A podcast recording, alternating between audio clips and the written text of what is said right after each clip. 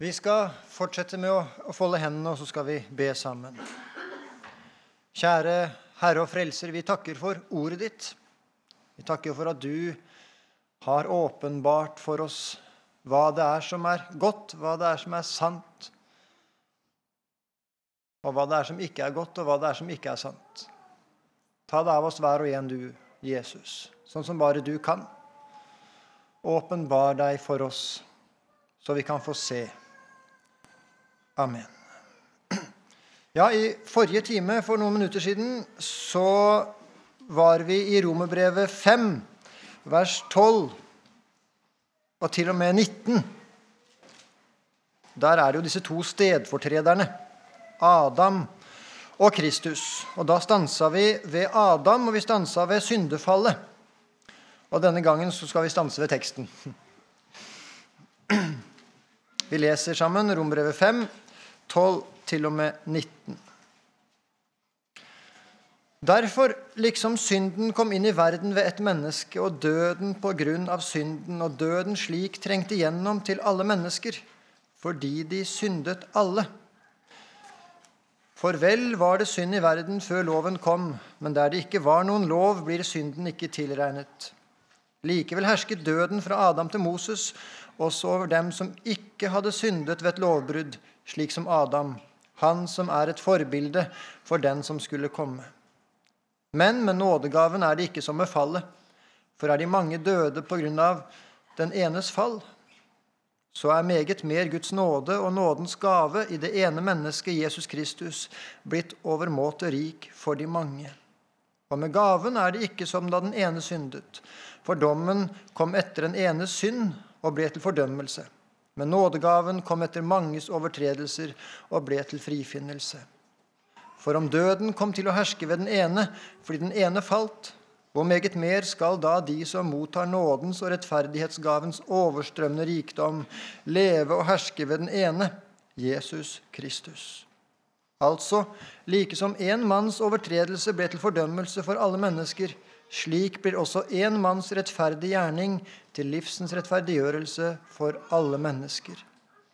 For liksom de mange kom til å stå som syndere ved det ene menneskets ulydighet, så skal også de mange stå som rettferdige ved den enes lydighet.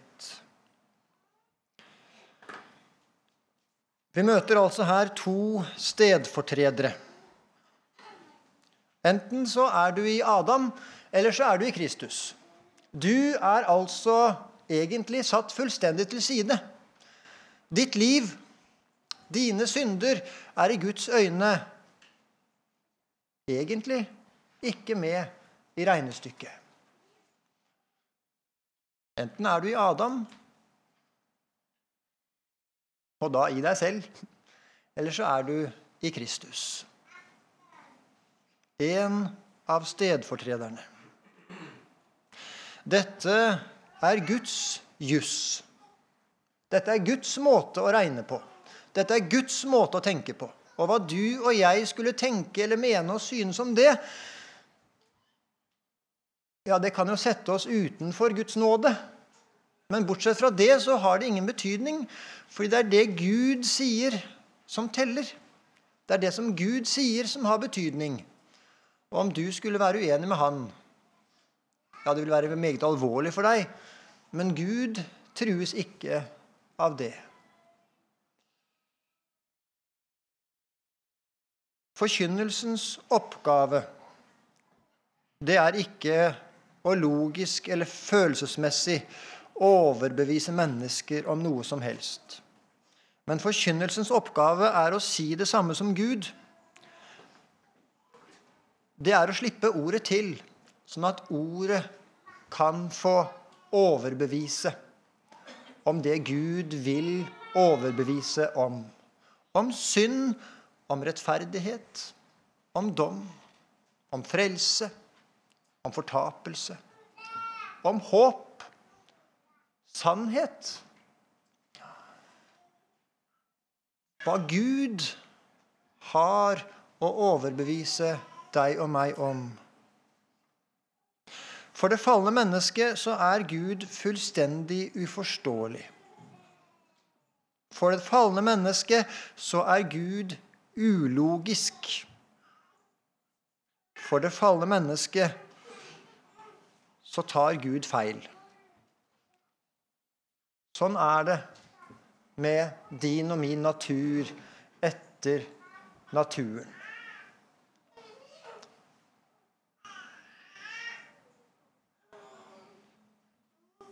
Når vi da stanser ved det vi stanser ved her, så stanser vi ved Guds måte å tenke på. Og det du strever med, ja, kanskje det plasseres gjennom Guds ord, og kanskje det ikke plasseres gjennom Guds ord. Gud, han spør ikke om du er verdig til hans nåde. Det er jo det du så gjerne strever med hvis du vil være et Guds barn. Din uverdighet. At det ikke er rett med deg, eller at det kanskje er rett med deg på en eller annen måte. At det skulle bli annerledes med deg, sånn at du kunne få være et Guds barn. Gud er ikke opptatt av din verdighet. Han er ikke opptatt av din uverdighet. Det han spør etter, er er du i Adam, eller er du i Kristus?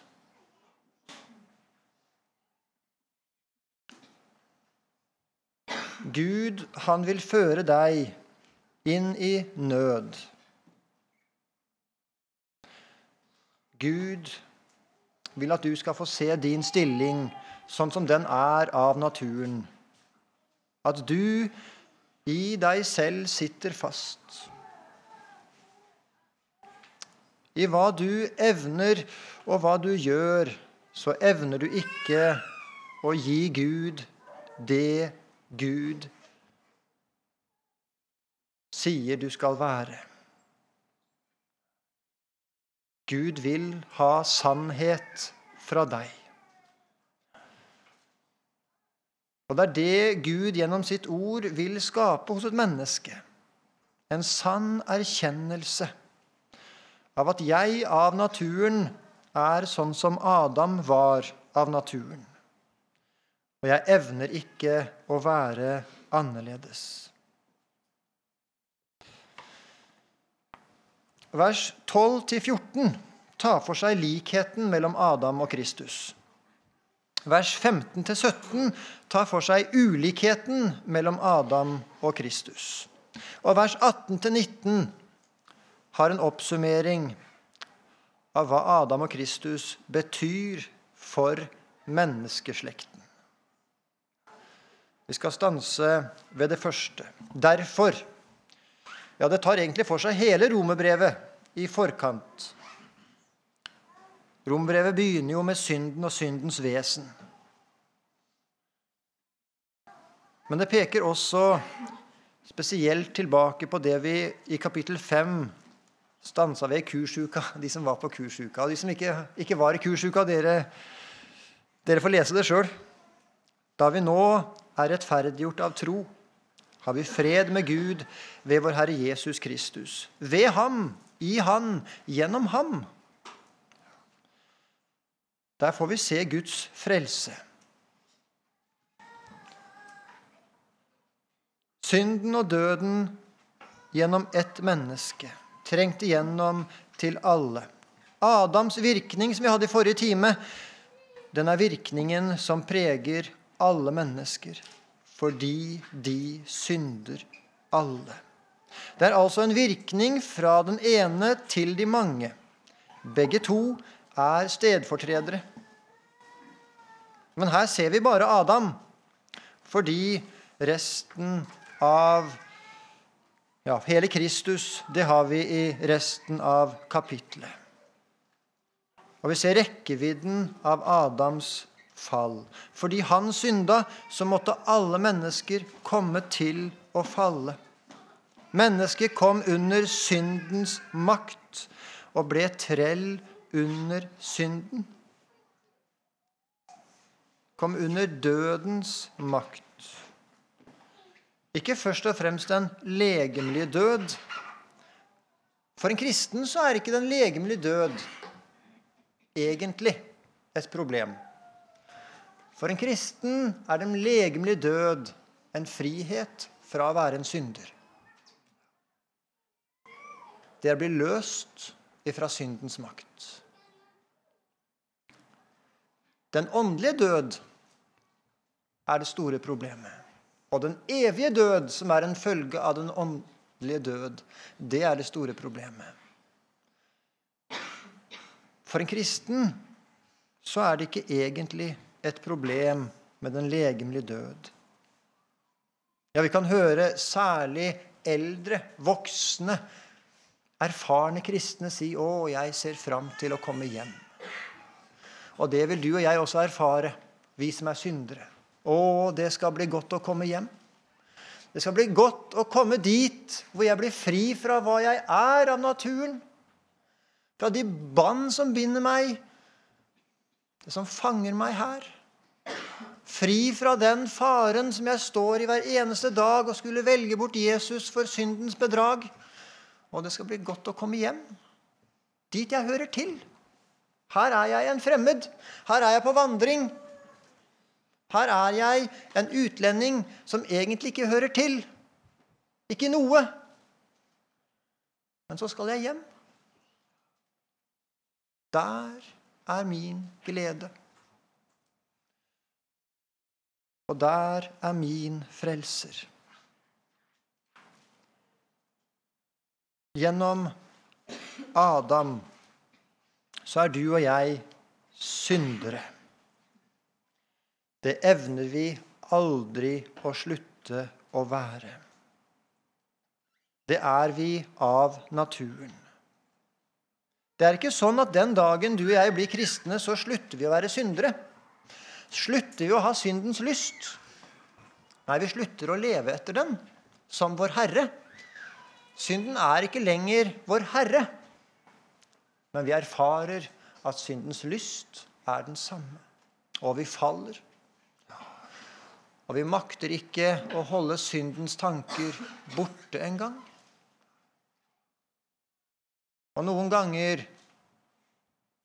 så slipper også synden til over vår tunge, i vårt liv, i hva vi gjør, i hva vi velger å se, hva vi velger å høre, hva vi velger å si. Vi hørte om Adam som en, var en overtreder. Han visste hvor Guds grense gikk. Han visste hva Gud sa han ikke måtte gjøre. Der var døden. Og likevel så valgte han synden. Han valgte døden. Det gjør du og jeg også. Vi er overtredere. Og vi klarer ikke å hindre lysten til overtredelse. Vi klarer ikke det. Vi klarer heller ikke å hindre at dette skjer.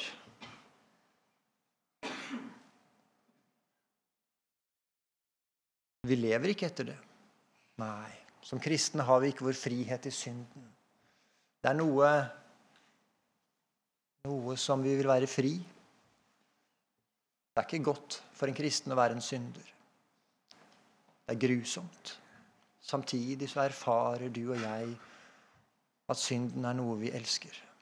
Det er vårt gamle menneske. Denne samtidigheten den blir vi ikke kvitt. Hvis ikke menneskene hadde falt i synd, så hadde det ikke vært noen død, verken åndelig, legemlig eller evig. Da hadde mennesket, mennesket vært fri. Det hadde vært godt, men sånn er det ikke. I Adam eller i Kristus. Det er fordi at du og jeg, vi er mennesker, og vi mennesker, vi er skapt som en slekt. Én for alle og alle for én. Og gjennom Adams fall så er du en synder. Det er arvesynden. Det er følgen av å være en av slekten. Og Det betyr også at du har en gjeld som er Adams gjeld. En følge av Adam. Det er derfor vi døper våre små. De har del i arvesynden. De er syndere. Akkurat samme gjeld som oss andre. De trenger å frelses fra synden. Trenger å frelses ifra skylden. Og Så kommer vi til vers 15 og 17. Men nådegaven er det ikke som med fallet. Denne virkningen i nådegaven, den er stikk motsatt av virkningen fra Adam. Begge virkningene gjelder alle. Jesu soningsdød, den gjelder for alle mennesker. Men den er ikke av naturen, sånn som Adams fall. Adams fall får vi del i om vi vil eller ikke. Den er vår natur, vårt vesen. Er du menneske, så er du av Adam. Sånn er det ikke med, med Kristus. Den fødselen skjer gjennom Ordet. Men det er for alle. Den er gitt til alle.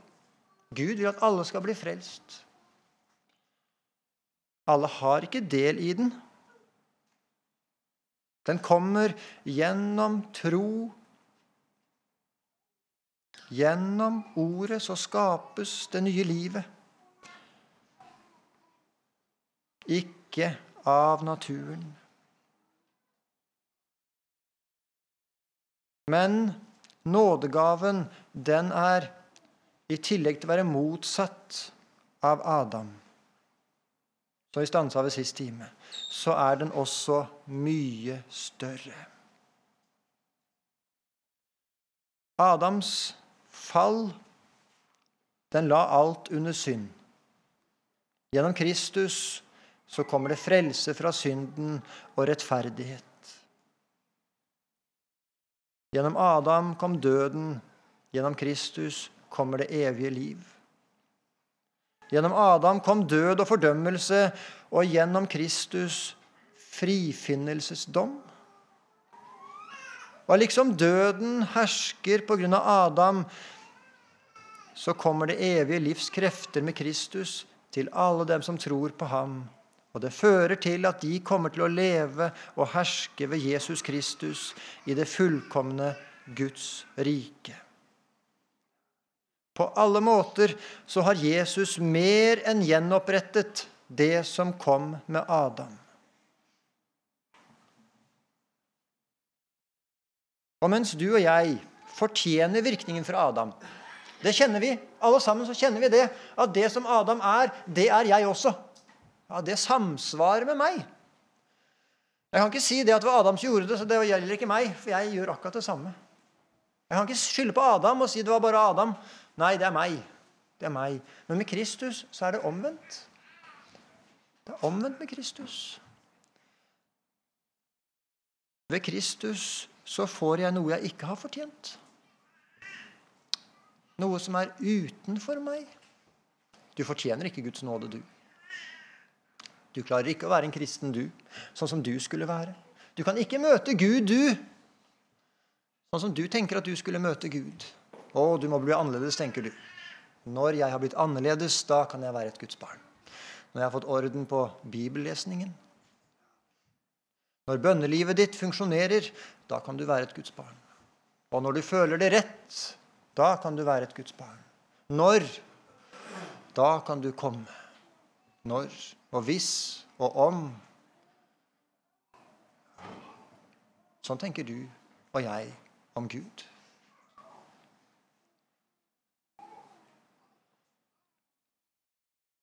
Virkningen i Kristus er noe ganske annet enn om og hvis og når.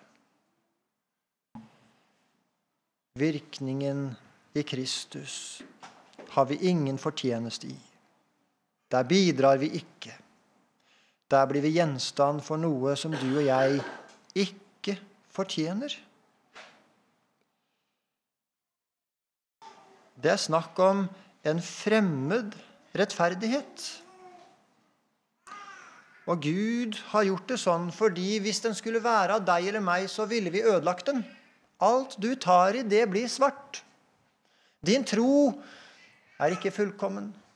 Din omvendelse er ikke fullkommen. Din bønn er ikke fullkommen. Ingenting ved deg er fullkomment.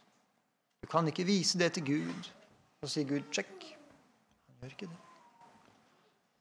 Alt ved deg er urent, også ditt beste, også ditt frommeste.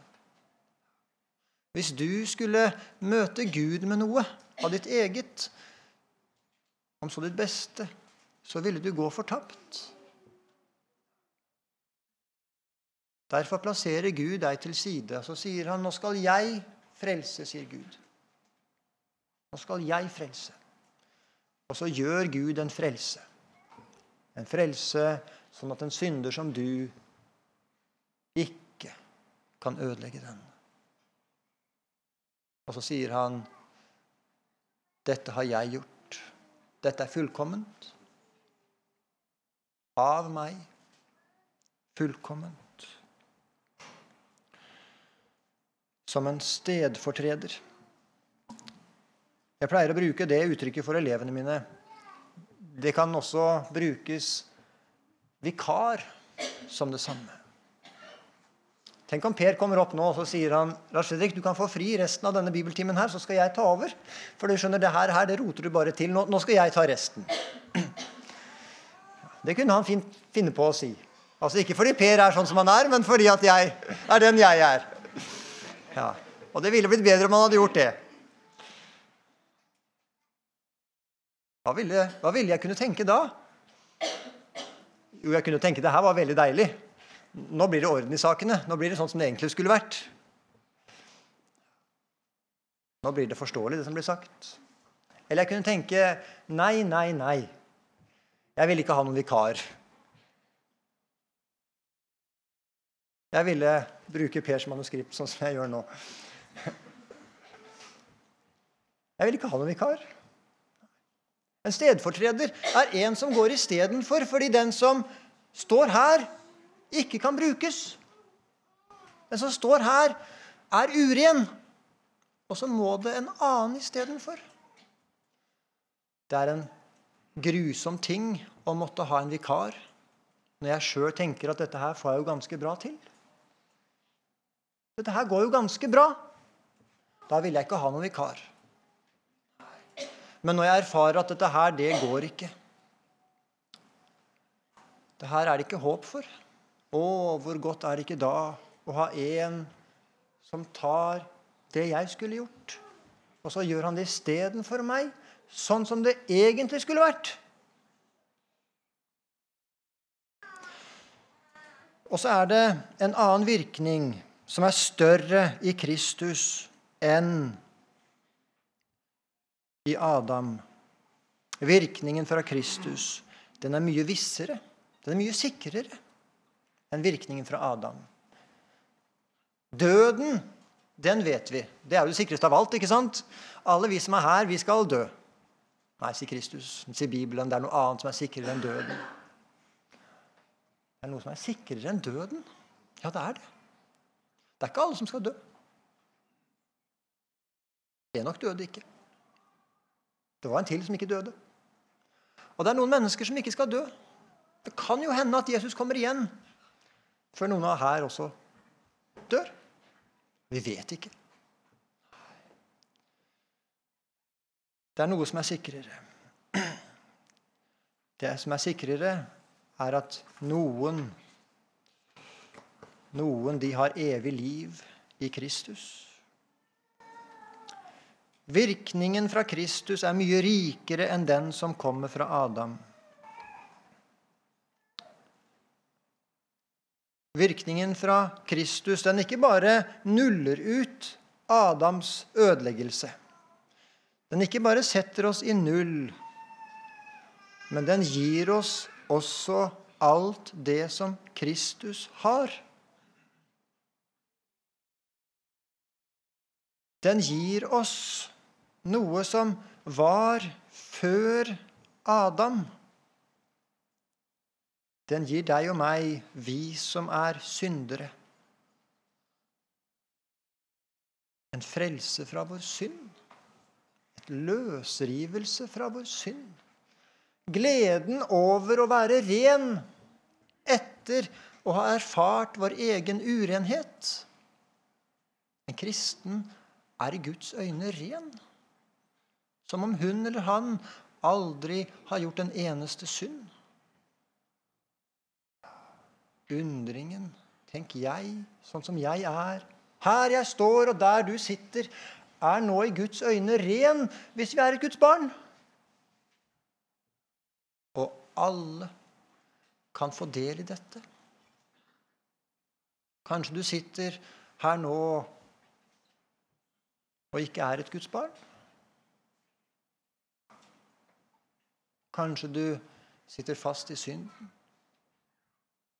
Kanskje synden har sånn makt i livet ditt. Du er borte fra Gud. Så kan du løses nå. Det kan Gud. Kom til Han. Gå til Han, du som sitter fast. Vær sann. Vær ærlig om din uærlighet. Vær sann om din usannhet. Vær ren om din urenhet. Si det sånn som det er i alle ting. Og så er det renhet å få for deg nå. Enten du har falt fra eller aldri har stått i den.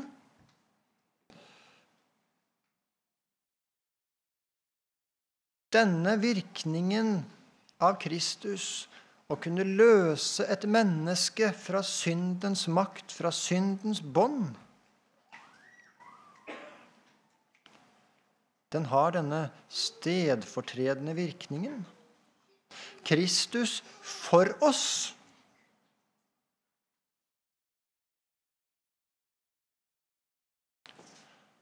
Og så er ikke en kristen lenger under syndens makt. Å, hvor godt det ikke er å være under syndens makt.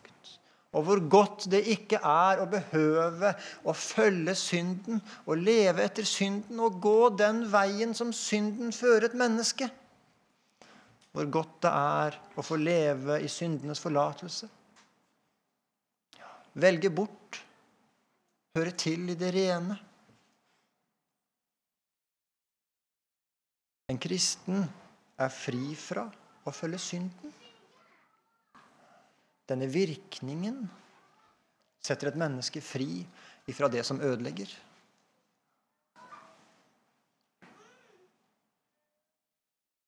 Fordi Kristus har den virkningen i en kristen at han skaper et nytt liv. Han er jo det nye livet.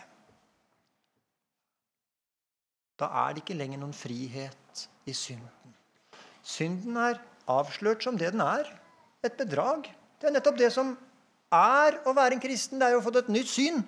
Nå skal jeg ikke lenger leve etter synden. Jeg skal leve etter det gode.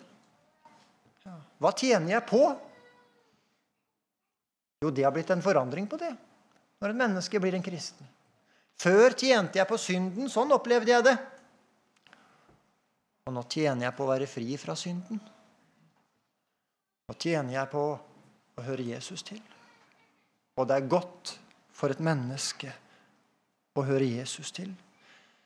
Frihetens fokus, frihetens retning, er en helt annen. Det å være i Kristus er å være løst ifra syndens makt. Når synden kommer og vil ha deg med på sin vei, så har du et sted å springe med hva du er. Springe til Jesus så fort du kan, så fort du kan. Der er det løsning fra deg. Der skal du få lov til å se deg løst, for der er du løst. Ikke sånn at ikke synden kommer. Ikke sånn at synden ikke har lyst på deg. Og ikke sånn at ikke ditt gamle menneske har lyst til synden. Men den er avslørt som noe som ødelegger.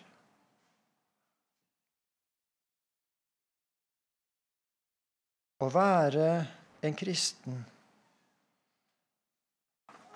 er å være i Kristus for Guds ansikt.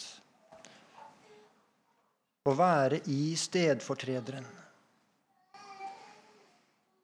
Han oppfylte alt det Gud krever av oss.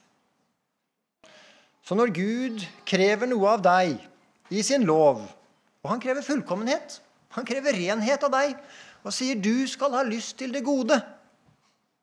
Så peker du på Jesus og sier 'han er meg'. Han er meg. Han er min. Vi har bytta plass, han og jeg. Han er min stedfortreder. Det kan du. Ja, det er det eneste du kan møte Gud med. Og da kan du frimodig møte Gud. Ser du det at det eneste stedet et menneske kan ha frimodighet for Gud, det er når Jesus er stedfortrederen. Når han er den som går istedenfor. Han er mer enn en hjelper. Han er mer enn en kraft. Han er mer enn en som forandrer deg, sjøl om han gjør det også. For denne forandringen som skjer, den er bare, bare delvis her i tiden. Sjøl om det er et nytt hjerte, så bærer du fortsatt på kjødet. Din gamle natur.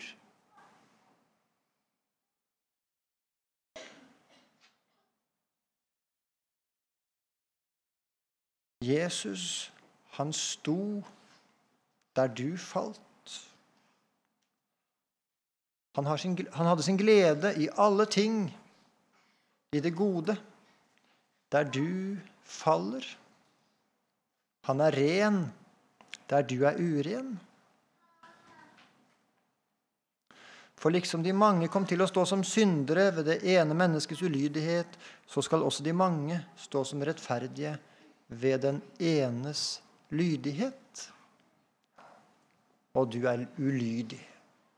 Og du er ulydig mot Gud i tanke og sinn. Men vet du, det var en som var lydig på dine vegne. Og Så kan du peke på han når loven anklager deg, og når ditt hjerte anklager deg, Satan anklager deg, og si at det er han han som var lydig på mine vegne. Han. Og derfor er jeg i Guds øyne lydig. For det mennesket som ikke har noe problem med sine synder, så er dette ikke relevant i det hele tatt. Det er ikke noe behov for en som er stedfortreder. Da kan man fint klare seg uten.